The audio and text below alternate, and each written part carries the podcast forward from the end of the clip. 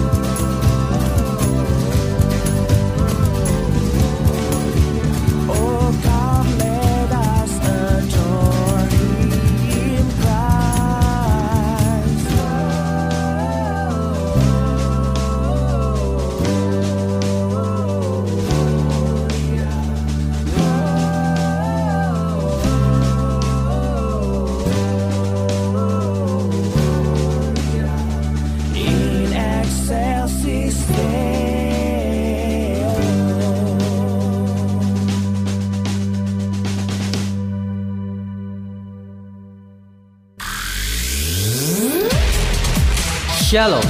Anda akan mendengarkan program Kuasa dalam firman-Nya yang disampaikan oleh Pastor Dorcas Daud dari Hope ACC dan Dorcas Ministries. Selamat mendengarkan. Mazmur 147 ayat pertama sampai dengan 6. Kekuasaan dan kemurahan Tuhan. Haleluya, sungguh bermasmur bagi Allah kita itu baik bahkan indah dan layaklah memuji-muji itu. Tuhan membangun Yerusalem, ia mengumpulkan orang-orang Israel yang tercerai-berai. Ia menyembuhkan orang-orang yang patah hati dan membalut luka-luka mereka. Ia menentukan jumlah bintang-bintang dan menyebut nama-nama semuanya.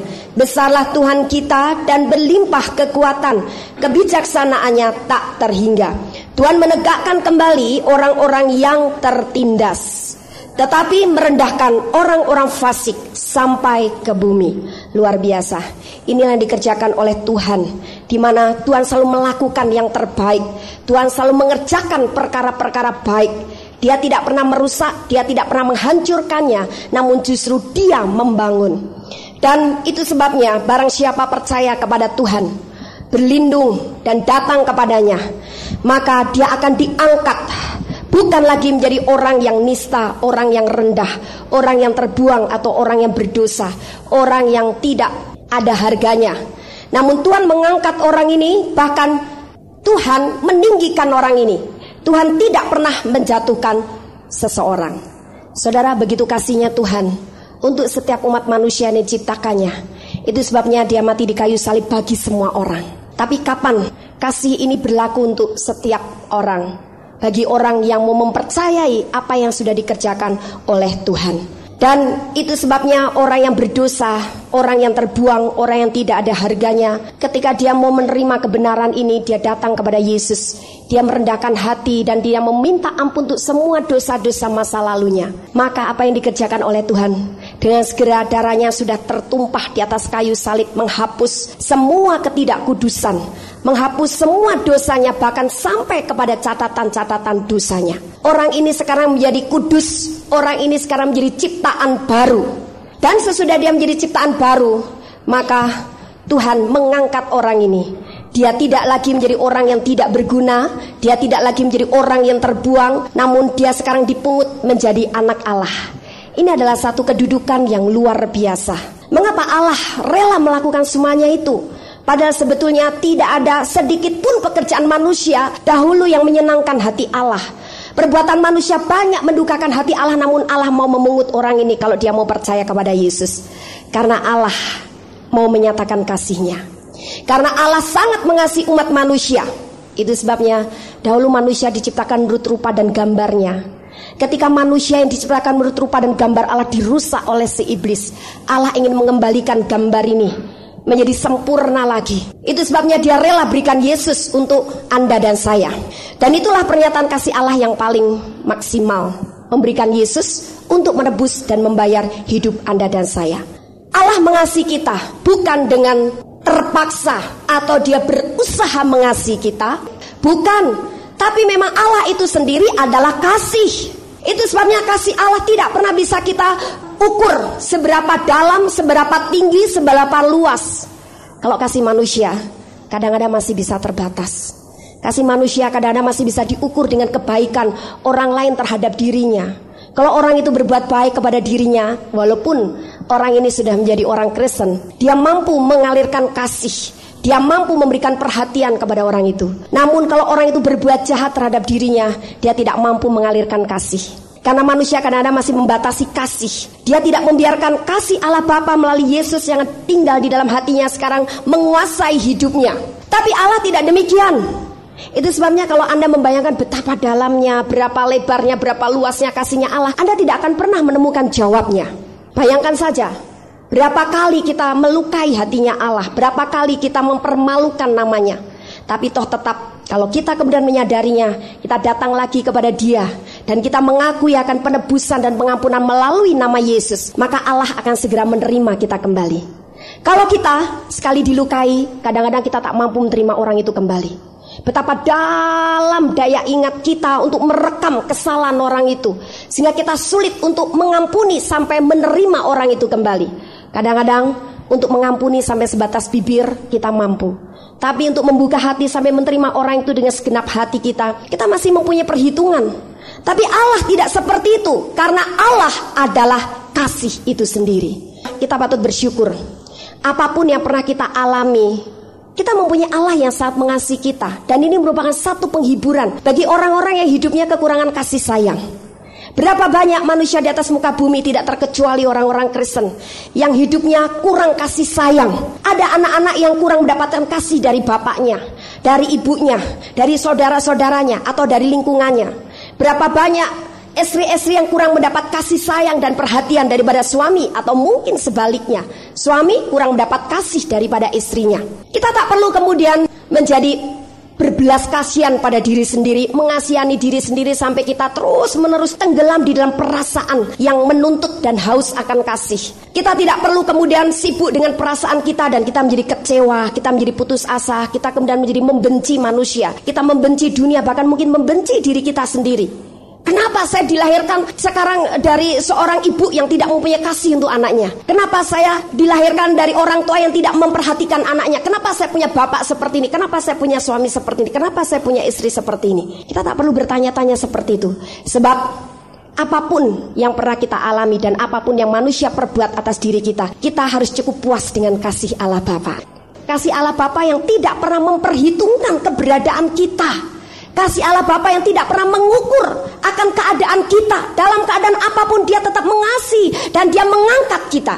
Dia tidak pernah menjatuhkan kita. Saya melayani seorang anak perempuan. Nah, ternyata kasusnya adalah kurang kasih dari orang tuanya. Sebab orang tuanya bercerai ketika dia berumur tujuh tahun. Dan kemudian papanya menikah lagi, mamanya menikah lagi. Anak ini ikut papahnya. Dan papanya menikah sama wanita lain melahirkan anak. Jadi adiknya perempuan ini sekarang berumur 2 tahun. Anak ini sekarang sudah menjadi dewasa. Tapi dia merasakan hidupnya seperti tidak ada tempat.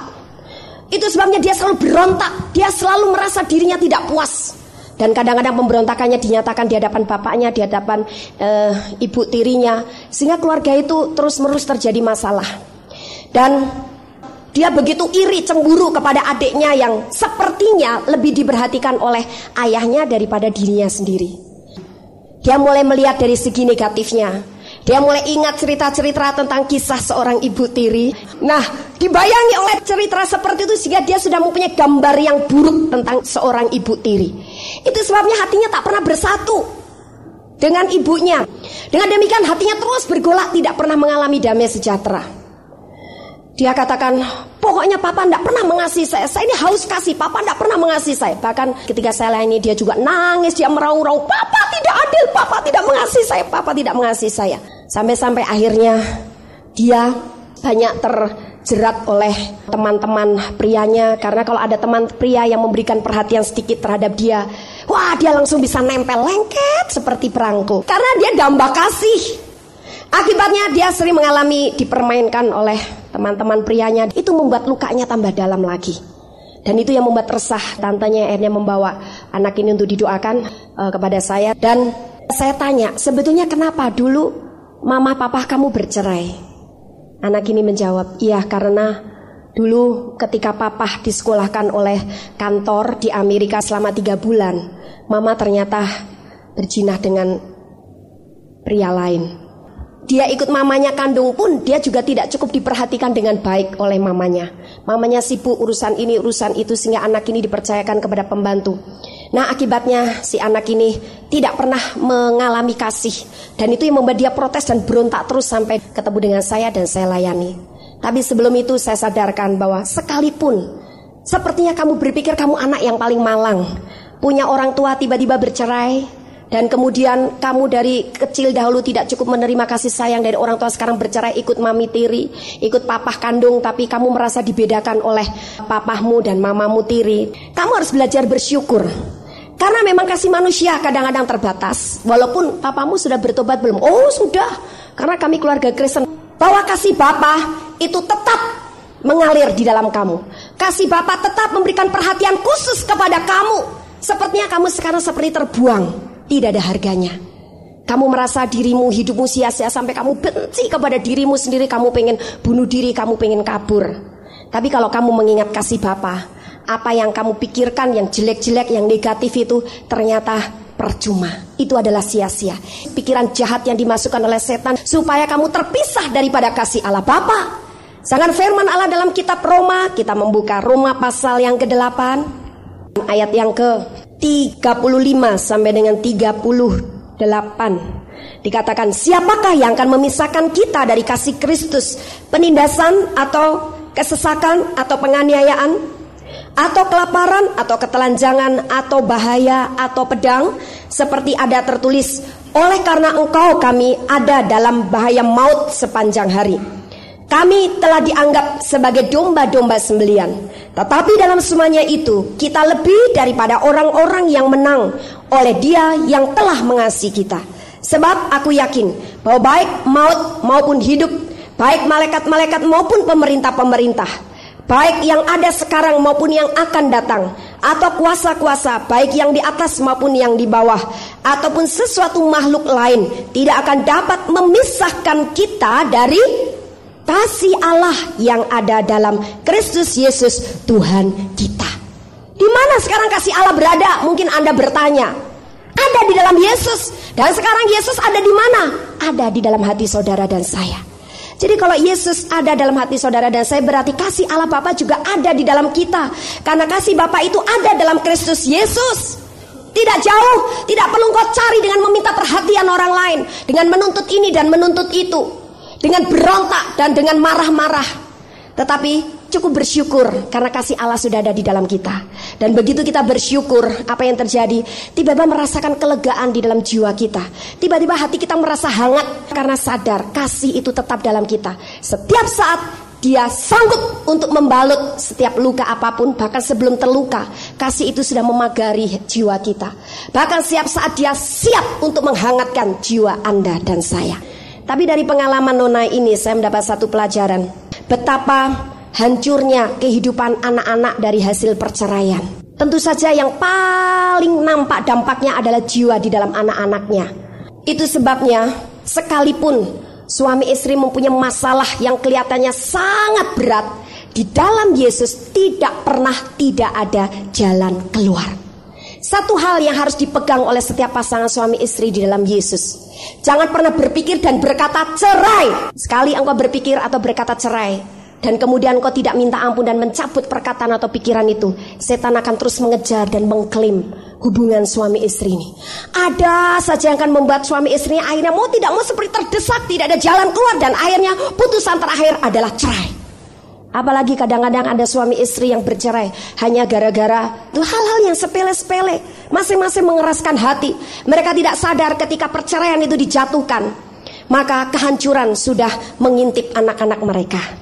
Anak-anak menjadi tidak memiliki kasih sayang dan kadang-kadang anak-anak juga eh, seperti orang yang tidak ada tempat untuk berlindung. Mengapa? Sebab Suami istri yang bercerai itu menggagalkan ikatan janji mereka di hadapan Tuhan. Ikatan janji yang membuat anak ini seperti teduh berlindung di dalam sebuah rumah. Tapi ketika suami istri bercerai maka ikatan janji itu dibatalkan. Anak ini sekarang tidak ada tempat berteduh. Dan tentu saja yang tadinya dia adalah keturunan ilahi, sekarang dia tidak ilahi lagi. Karena ikatan janji yang kudus dalam pernikahan di hadapan Tuhan sudah dibatalkan melalui perceraian. Anak ini sekarang menjadi anak haram. Dia membawa kutuk anak haram. Dan Anda tahu di dalam kitab ulangan pasal yang ke-23 ayat yang kedua dikatakan Seorang anak haram janganlah masuk jemaah Tuhan. Bahkan keturunannya yang ke-10 pun tidak boleh masuk jemaah Tuhan.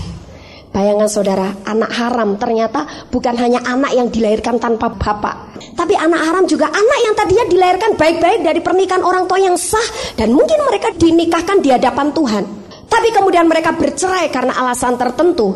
Anak ini sekarang adalah anak haram.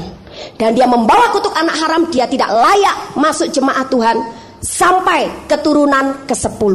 Tapi masih membawa kutuk anak haram gara-gara orang tua bercerai. Sayang sekali, anak yang tadinya dilahirkan dan menjadi keturunan ilahi karena ikatan pernikahan yang kudus karena kekerasan hati orang tuanya maka anak ini membawa kutuk anak haram. Dan kutuk anak haram seperti tidak mendapat tempat. Jiwanya selalu gersang selalu gelisah dan sebagainya. Tapi di dalam Yesus sekalipun anak ini membawa kutuk anak haram selalu bisa diselesaikan Tinggal memintakan ampun untuk orang tuanya. Kalau orang tuanya ada ya orang tuanya suruh minta ampun. Kemudian dipatahkan kutuk anak haramnya, ditengking keluar kutuk anak haramnya. Maka lepaslah dia. Sekarang dia berhak menjadi anak berkat kembali.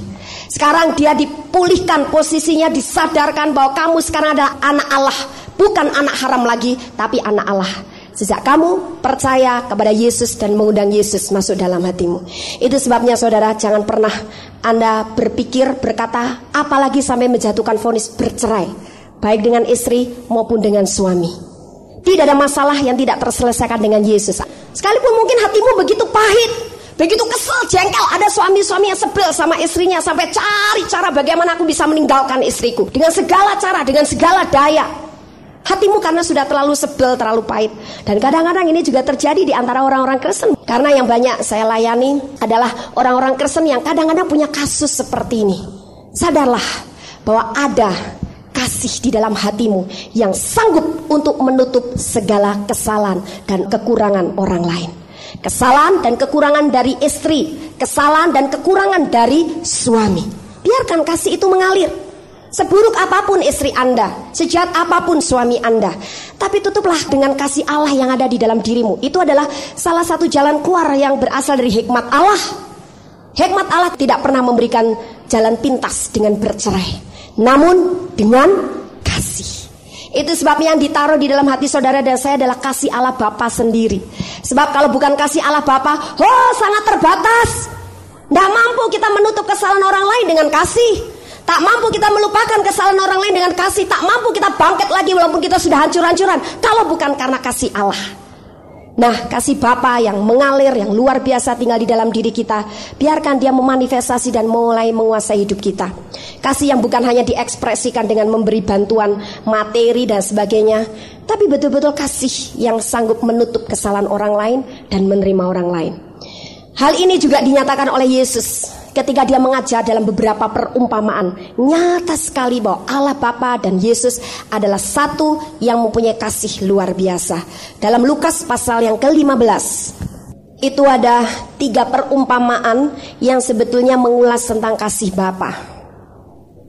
Dari mulai perumpamaan tentang domba yang hilang, perumpamaan tentang dirham yang hilang, perumpamaan tentang anak yang hilang. Itu adalah salah satu pernyataan kasih Bapa yang diajarkan oleh Yesus dan ditanamkan kepada murid-muridnya. Bagaimana seseorang yang mempunyai 100 ekor domba dan kemudian yang satu ekor itu hilang, apa yang akan dilakukannya? Apakah dia berpikir, ah udahlah hilang-hilangan satu, nggak apa-apa. Toh saya masih punya 99 ekor domba. Ternyata si empunya domba itu tidak berpikir dan bersikap demikian. Namun Tuhan ini dia segera mencari domba itu walaupun satu ekor dia tinggalkan yang 99 ekor tanpa takut kehilangan yang 99 itu sampai yang satu ekor ini bisa dia temukan kembali dan dia bawa pulang dengan sukacita. Itu adalah salah satu bukti daripada kasih Bapa. Dia tidak mau kehilangan satu orang pun yang sudah pernah ditebus dan dibayar dengan darah Yesus. Sekalipun mungkin kita suatu saat kita seperti jauh daripada Tuhan Karena pada suatu kali kita tertipu oleh setan Kita merasakan tidak layak di hadapan dia Kita seperti terhilang Kita merasa tidak berdaya untuk keluar dari masalah itu kita seperti terbuang di hadapan Allah. Kita berpikir, aduh Allah sudah tidak mau menerima saya lagi. Karena saya orang yang sudah lahir baru, saya sudah dipenuhi roh kudus, saya, sudah melayani Tuhan. Gara-gara masalah kecil saya jatuh lagi dalam dosa. Kita seperti terpisah daripada dia. Namun Allah tidak pernah memisahkan diri dari Anda. Sekali dia mencengkeram Anda, dia tidak pernah bisa lepaskan cengkeraman itu sendiri dalam hidup kita. Sekali dia meteraikan kita dengan roh kudus sendiri miliknya, itu sudah sah sampai selama-lamanya. Kecuali kalau Anda mencabut mentera itu sendiri dan engkau membuangnya, engkau menolaknya, engkau mengusirnya. Allah tidak bisa memaksa dan tidak bisa berbuat apa-apa. Tapi selama kita tetap membiarkan roh kudus itu memeteraikan kita, kita masih layak untuk datang lagi kepada dia dan diangkat lagi oleh Allah. Diakui lagi oleh Allah menjadi anaknya. Apa pun yang terjadi. Dan bahkan dia akan puaskan kita dengan kasihnya. Sampai sehaus apa pun seseorang dambakan kasih. Kalau dia sadar ada kasih Bapak surgawi yang ada dalam hatinya, dia akan mampu bersyukur dan dia akan menjadi puas sekali hidupnya. Sampai akhirnya dia mempunyai motivasi yang berubah. Tadi yang motivasi hidupnya adalah menjadi orang yang egois, menuntut orang memperhatikan dia, menuntut orang mengerti dia, menuntut orang memberikan kasih kepada dia. Tapi sekarang berubah. Bagaimana dia memperhatikan orang lain? Bagaimana dia mengasihi orang lain? Bagaimana dia berbuat sesuatu untuk orang lain?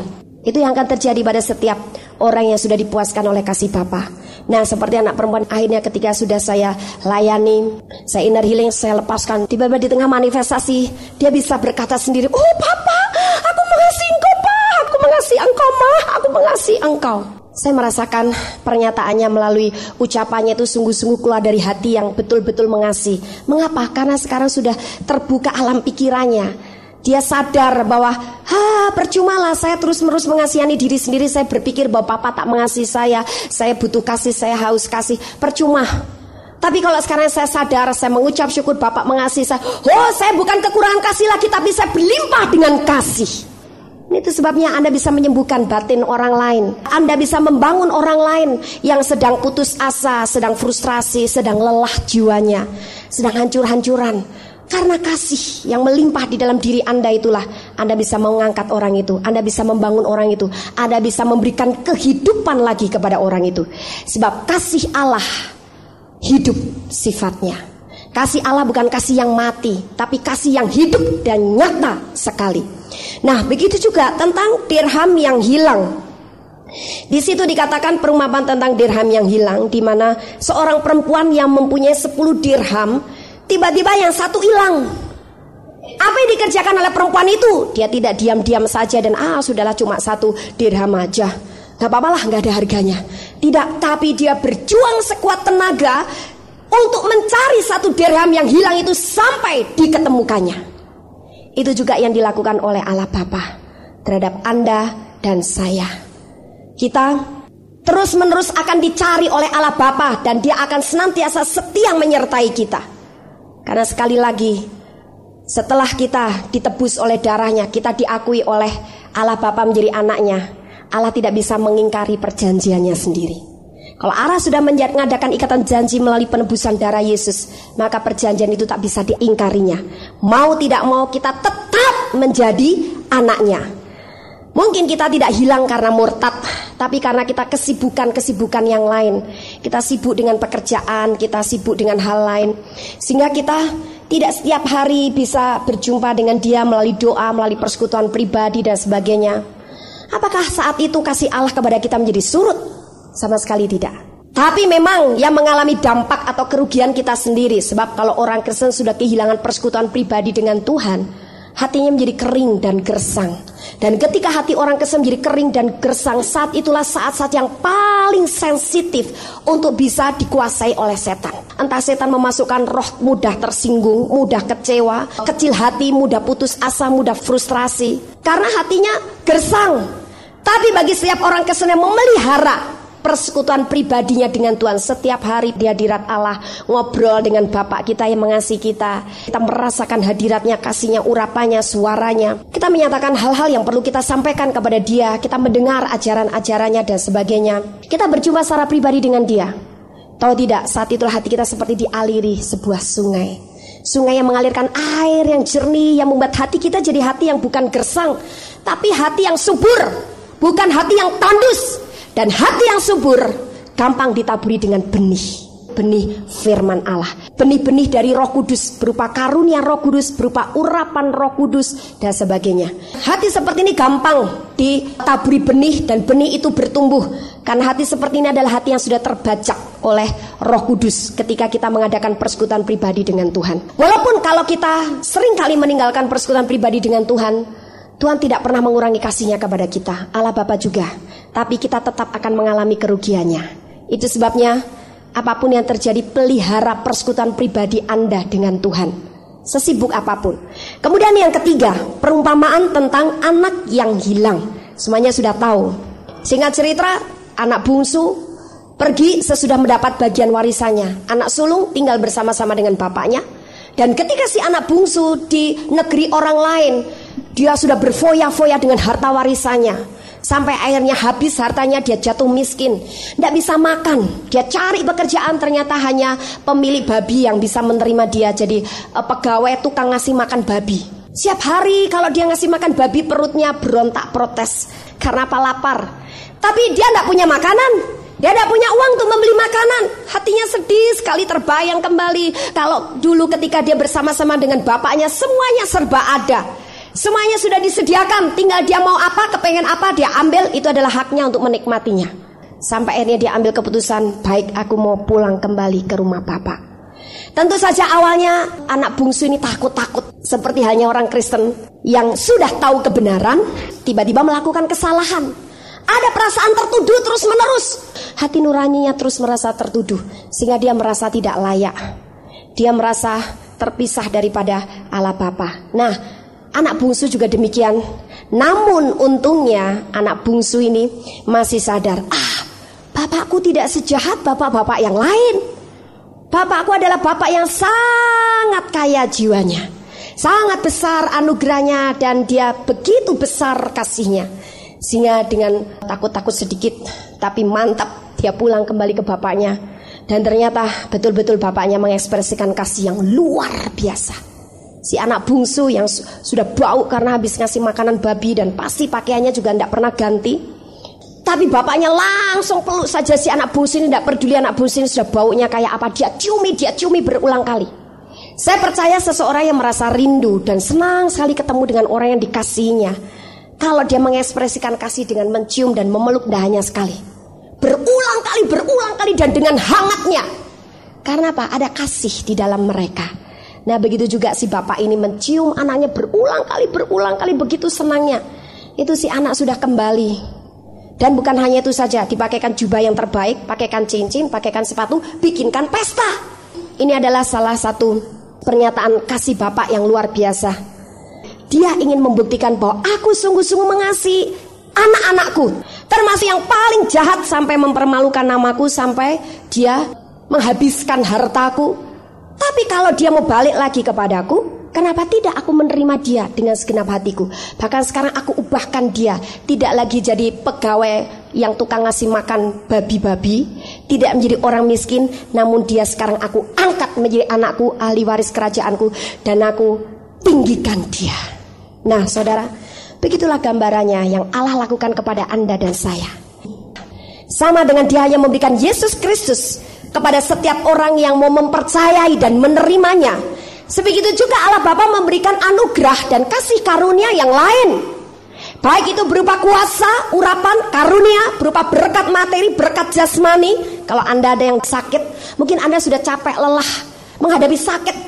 Ha, terus terus kok saya sakit, terus sakit terus kapan saya sembuhnya? Walaupun itu mungkin hanya sakit sederhana, katakanlah sakit pusing, sakit migrain, tapi tiap kali migrain, migrain, oh cukup melelahkan juga. Ada cukup direpotkan oleh sakit penyakit itu dan Anda berkata dalam hatimu, ah enak sekali kalau kayak dia. Dia tidak pernah sakit, kelihatannya sukacita terus, tubuhnya sehat, wajahnya berseri-seri. Kok saya terus-menerus kena sakit penyakit? Nah saudara, padahal kesehatan ilahi yang diberikan oleh Allah Bapa melalui iman kita kepada penebusan Yesus di kayu salib. Untuk setiap sakit penyakit orang-orang yang percaya, sama yang mengukur dan yang menakar adalah alam pikiranmu sendiri yang akhirnya membentuk imanmu. Iman bisa berbeda-beda antara satu orang Kristen dengan orang Kristen yang lain karena alam pikirannya masing-masing. Iman kita bisa besar sekali kalau pikiran kita juga besar sebesar pikirannya Allah Bapa, sebesar pikirannya Tuhan Yesus. Tapi iman kita jadi kecil sekali sampai tidak mampu menerima anugerah Allah yang luar biasa. Kalau kita berpikir juga sedikit dan kecil. Nah itu sebabnya ukuran imanmu itu juga bergantung dari alam pikiranmu. Sehingga kitab Roma pasal yang ke-12 ayat yang ke-1 dan 2 berkata Karena itu saudara-saudara demi kemurahan Allah Aku menasihatkan kamu supaya kamu mempersembahkan tubuhmu sebagai persembahan yang hidup Yang kudus dan yang berkenan kepada Allah Itu adalah ibadahmu yang sejati Janganlah kamu menjadi serupa dengan dunia ini Tetapi Berubahlah oleh pembaharuan budimu sehingga kamu dapat membedakan manakah kehendak Allah, apa yang baik, yang berkenan kepada Allah dan yang sempurna. Saudara, berubahlah oleh pembaruan budimu supaya kamu tidak menjadi serupa dengan dunia ini. Jadi gampang kesimpulannya. Kalau kita belum mengalami pembaruan pikiran, pikiran kita masih sama dengan pikiran manusia lama, belum memiliki pikiran Kristus, kita masih menjadi serupa dengan dunia ini. Jadi gampang kita mengukur menilai diri kita sendiri kita sudah masih serupa dengan dunia atau kita sudah serupa dengan gambaran anaknya adalah dari alam pikiran kita. Itu sebabnya jangan biarkan tipuan setan terus menguasai alam pikiran kita dengan berbagai masalah, berbagai tuduhan, berbagai intimidasi, gelisah, kacau balau, bimbang, takut. Biarkan itu dibersihkan. Setiap hari dibersihkan karena orang gampang kemasukan melalui pikirannya. Baik pikiran baik maupun pikiran buruk maupun pikiran jahat dan orang lain tidak mengetahuinya. Siapa yang bisa mengetahui apa yang ada dalam pikiranmu kalau bukan Anda sendiri yang mengetahuinya? Nah karena Anda yang mengetahui Itu sebabnya Anda yang punya tugas Untuk membersihkan alam pikiranmu sendiri. Biar engkau menjadi tidak serupa dengan dunia ini. Sehingga kita bisa mengerti akan pikirannya Allah. Kita bisa mengerti akan kasihnya Allah. Jadi dari semua perumpamaan itu Sebetulnya bahwa tidak ada seorang pun yang tidak penting dan tidak berharga di hadapan Allah. Siapa pun Anda, mungkin Anda orang yang baru sembuh dari stres berat, atau Anda dari menurut ukuran orang dunia miskin, begitu punya rumah kontrakan aja bocor melulu, atau mungkin Anda orang yang sudah kaya raya, atau Anda yang pandai, atau orang yang hanya lulusan SD, atau bahkan tidak sempat mengecap pendidikan, tapi di mata Tuhan semuanya adalah penting dan berharga. Anda jangan pernah membuat dirimu menjadi orang yang tidak berharga dan Anda mengundurkan diri dari rencana Allah. Jangan pernah Anda menganggap dirimu tidak penting sekalipun mungkin dilihat secara fisik memang kau sangat berkekurangan dalam segi apa pun. Tapi di matanya Allah tidak ada menjadi orang yang berkekurangan kalau sudah ada Yesus di dalam hidupnya dan Andalah yang mendapat kasih karunia seperti ini. Nah, itu sebabnya Allah Bapa memelihara kita luar biasa sampai seperti kita ini adalah kebun anggurnya. Kebun anggur yang siap sesudah dibajak, dia ditaburi benih sampai benih itu bertumbuh dan akhirnya dia berbuah. Dan buah yang ingin dihasilkannya adalah buah yang manis bukan buah yang asam. Kita lihat dalam Yesaya pasal 5 ayat 1 sampai dengan 2. Nyanyian tentang kebun anggur. Aku hendak menyanyikan nyanyian tentang kekasihku. Nyanyian kekasihku tentang kebun anggurnya. Kekasihku itu mempunyai kebun anggur di lereng bukit yang subur. Ia mencangkulnya dan membuang batu-batunya Dan menanaminya dengan pokok anggur pilihan. Ia mendirikan sebuah menara jaga di tengah-tengahnya Dan menggali lubang tempat memeras anggur. Lalu dinantinya supaya kebun itu menghasilkan buah anggur yang baik tetapi yang dihasilkannya ialah buah anggur yang masan. Saudara, apa yang kurang dari pekerjaan Allah terhadap kebun anggurnya? Dan kebun anggurnya itu adalah Anda dan saya sendiri. Tidak ada yang kurang. Namun berapa banyak ternyata kebun anggur itu menghasilkan buah yang asam. Tentu saja kalau buah yang asam tidak bisa dinikmati oleh banyak orang. Semua orang ingin menikmati buah anggur yang manis. Tapi kalau buah anggur yang masam yang dihasilkannya, betapa mengecewakan. Tapi sekalipun seperti itu, Allah tidak pernah berputus asa. Coba kita renungkan apa yang dia kerjakan kepada kebun anggurnya. Yang pertama adalah dia memagarinya. Yang kedua adalah dia membuang batu-batunya. Itu dalam rangka dia mencangkulnya. Ayat yang kedua, mencangkul dan membuang batu-batunya. Kemudian yang ketiga, dia menanaminya dengan pohon anggur pilihan. Dan yang keempat, dia mendirikan sebuah menara untuk mengawasi dan menjaganya. Dan kemudian yang kelima, dia membuat tempat pemerasan anggur karena dia mengharapkan adanya buah anggur yang baik. Sekarang apa maksudnya daripada yang pertama sampai dengan yang kelima tadi? Dikatakan yang pertama adalah dia memagarinya. Bagaimana dia memagari kebun anggurnya? Tadi sudah saya katakan bahwa kebun anggur yang di sini dimaksud adalah saudara dan saya. Orang yang sudah percaya kepada Yesus ditebus dengan darahnya Tuhan tidak lepaskan begitu saja Namun dia akan memagari kita. Dengan apa? Yohanes pasal 14 ayat 27 Damai sejahtera ku tinggalkan bagimu. Damai sejahtera ku berikan kepadamu. Dan apa yang ku berikan tidak seperti yang diberikan oleh dunia kepadamu. Janganlah gelisah dan gentar hatimu. Cara Allah memagari kebun anggurnya adalah dengan damai sejahtera Damai sejahtera yang bukan diberikan oleh dunia Karena damai sejahtera yang diberikan oleh dunia semu. Namun damai sejahtera yang memadari hidup kita adalah damai sejahteranya Yesus. Karena damai sejahtera itu adalah damai sejahtera Yesus Itu sebabnya ibaratnya seperti sebuah pagar Yang melindungi dan menjagai kita. Supaya kita tetap teduh, aman, berlindung kepadanya Dan kita percaya kepadanya. Sekali Anda lompat pagar, Anda akan dimangsa oleh si iblis. Anda akan menjadi gelisah, Anda akan menjadi ketakutan, cemas, dan sebagainya. Kita jangan lompat pagar, karena dengan pelanggaran kepada firman Allah berarti kita melompati pagar damai sejahtera. Akibatnya, setan bisa beri sakit penyakit, setan beri, bisa beri kegelisahan, ketakutan, kecemasan, dan kehancuran yang lain. Sekarang hal yang kedua adalah sesudah dia memagarinya, dia membuang batu-batunya. Tanah yang banyak batu-batunya itu membuat tanah itu tidak subur. Kenapa batu-batu di dalam hati kita perlu dibersihkan supaya hati kita jadi tanah yang subur, tanah yang gembur. Nah, mengapa kita perlu dibersihkan dari segala batu-batu yang membuat hati kita tidak menjadi tanah yang subur? Supaya kita kalau menerima firman, kita mempercayainya, iman kita bertumbuh, sekalipun karena firman itu, kita harus menanggung konsekuensinya. Kadang-kadang kita dianiaya, kadang-kadang kita dicemooh, kadang-kadang kita dihakimi, kadang-kadang kita mengalami penindasan, tapi kita akan tetap teguh berpegang kepada firman itu. Kita tidak takut penganiayaan sekalipun oleh karena firman itu. Kita tidak takut penindasan. Bagaimana Tuhan akan membuat kita mampu menghadapi penganiayaan atau penindasan oleh karena firman itu sendiri? Dia yang memberikan kekuatan dan kuasa kepada kita. Sebab kekuatan kita sebagai manusia tidak bisa tahan menghadapi penindasan, cemoohan, menghadapi hal-hal yang tidak menyenangkan, tidak tahan. Tapi Tuhan memberikan kekuatan. Bahkan kekuatanmu akan diperbarui terus-menerus seperti pada burung Raja Wali. Dia tidak akan lelah, dia tidak akan penat sekalipun dia berjalan, sekalipun dia berlari. Karena kekuatan Allah yang menjaganya. Tapi kalau Anda mengandalkan kepada kekuatanmu sendiri, engkau akan menjadi lelah. Dan kalau engkau sudah menjadi lelah, maka engkau sudah mulai tidak mempercayai Tuhan lagi. Engkau mulai menjauh daripada Tuhan. Engkau mulai mau berjuang dengan kekuatanmu, dengan hikmatmu sebagai manusia. Engkau mau mencari jalan keluar sendiri. Engkau mau mengatasi problemmu dengan kekuatanmu dan keputusanmu sendiri. Bukan berdasarkan hikmat Allah. Dan sering kali keputusan dan kekuatan kita mendatangkan kekecewaan pada akhirnya. Itu sebabnya jangan terbakar oleh emosi sesaat.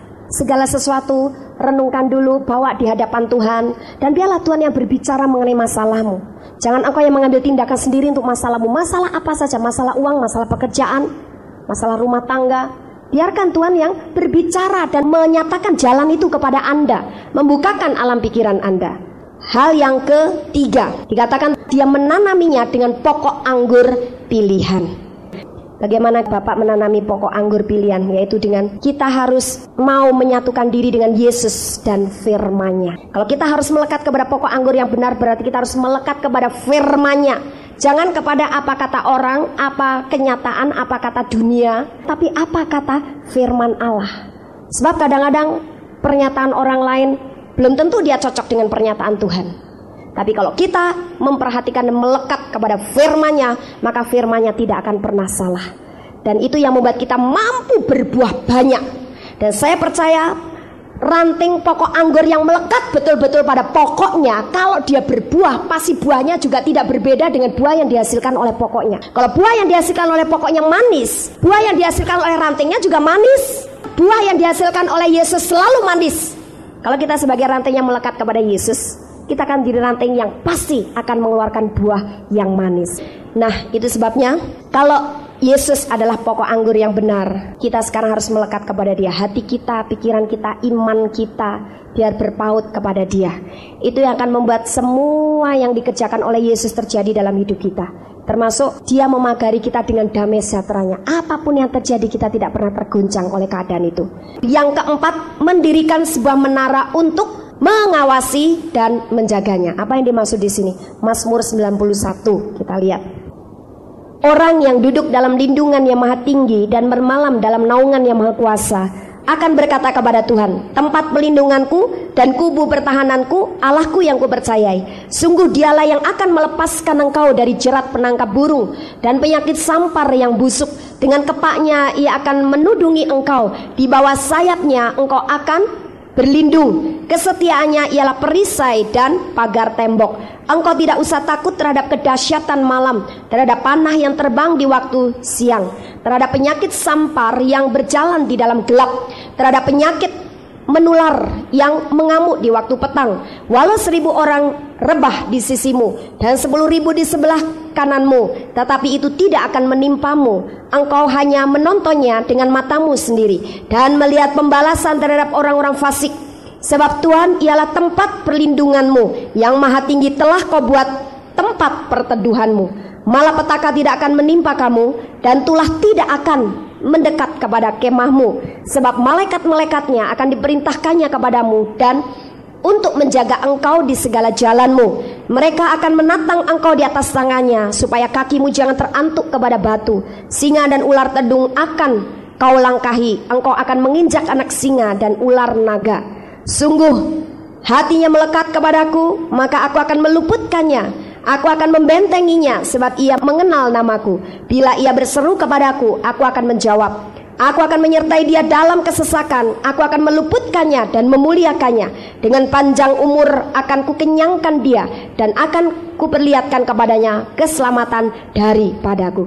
Waduh saudara kalau kita melihat dari mulai ayat yang ke 3 sampai dengan ayat yang ke 13 ditambah dengan ayat yang ke 16 Waduh janji Tuhan atau yang dikerjakan oleh dia luar biasa untuk kita Lengkap Gak ada yang tidak dia kerjakan untuk kita sempurna sekali. Tapi bagaimana syaratnya? Dia sendiri yang akan membangun menara untuk mengawasi dan menjaga kita. Di mana menara itu dibangun? Di dalam hadiratnya. Kalau Anda mau menikmati semua janji-janji yang luar biasa ini, gemar-gemarlah tinggal di hadirat Allah. Itu sebabnya mulailah punya hobi yang baru yaitu menyembah sampai engkau masuk dan tinggal menikmati hadirat Allah. Saya ingin mendorong dan mengajak Anda untuk mulai menggemari hadirat Allah. Sebab mungkin saja di rumah Anda terlalu sibuk. Sibuk dengan duit, sibuk dengan anak, sibuk dengan pembantu, sibuk dengan pekerjaan, sibuk dengan tamu, sibuk dengan toko, sibuk segala macam hal yang lain.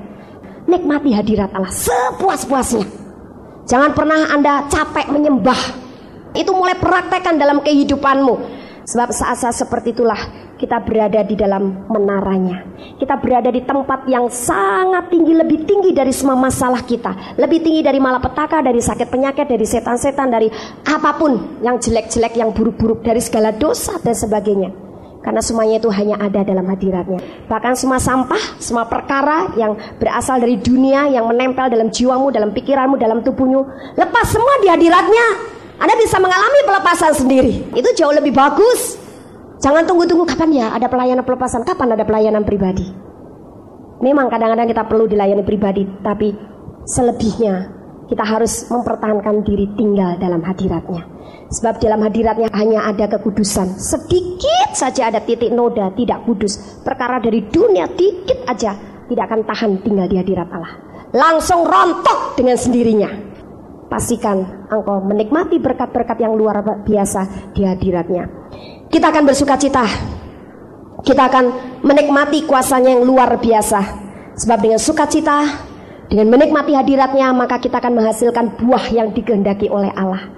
Sebab tanpa urapan roh kudus kita tak mampu memberikan buah yang manis. Karena buah yang manis adalah hasil daripada pekerjaan roh kudus. Bukan hasil pekerjaan kekuatan kita. Tanggalkan semua beban, tinggalkan semua dosa. Sekarang nikmati, nikmati sampai bebas sebebas-bebasnya. Ada yang terikat, ada yang tertekan, biar semuanya dibebaskan. Ada yang sakit disembuhkan.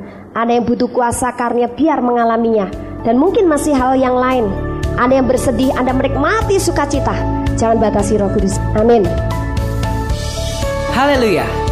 Kami percaya Anda pasti diberkati oleh firman Tuhan yang disampaikan oleh Pastor Dorcas Daud STH dari Hope ACC dan Dorcas Ministries. Dan bila Anda memiliki pertanyaan seputar kegiatan pelayanan kami, Anda dapat menghubungi kami di 08 222 703 0006. Sekali lagi di 08 222 703 0006. Sampai jumpa kembali. Tuhan Yesus memberkati.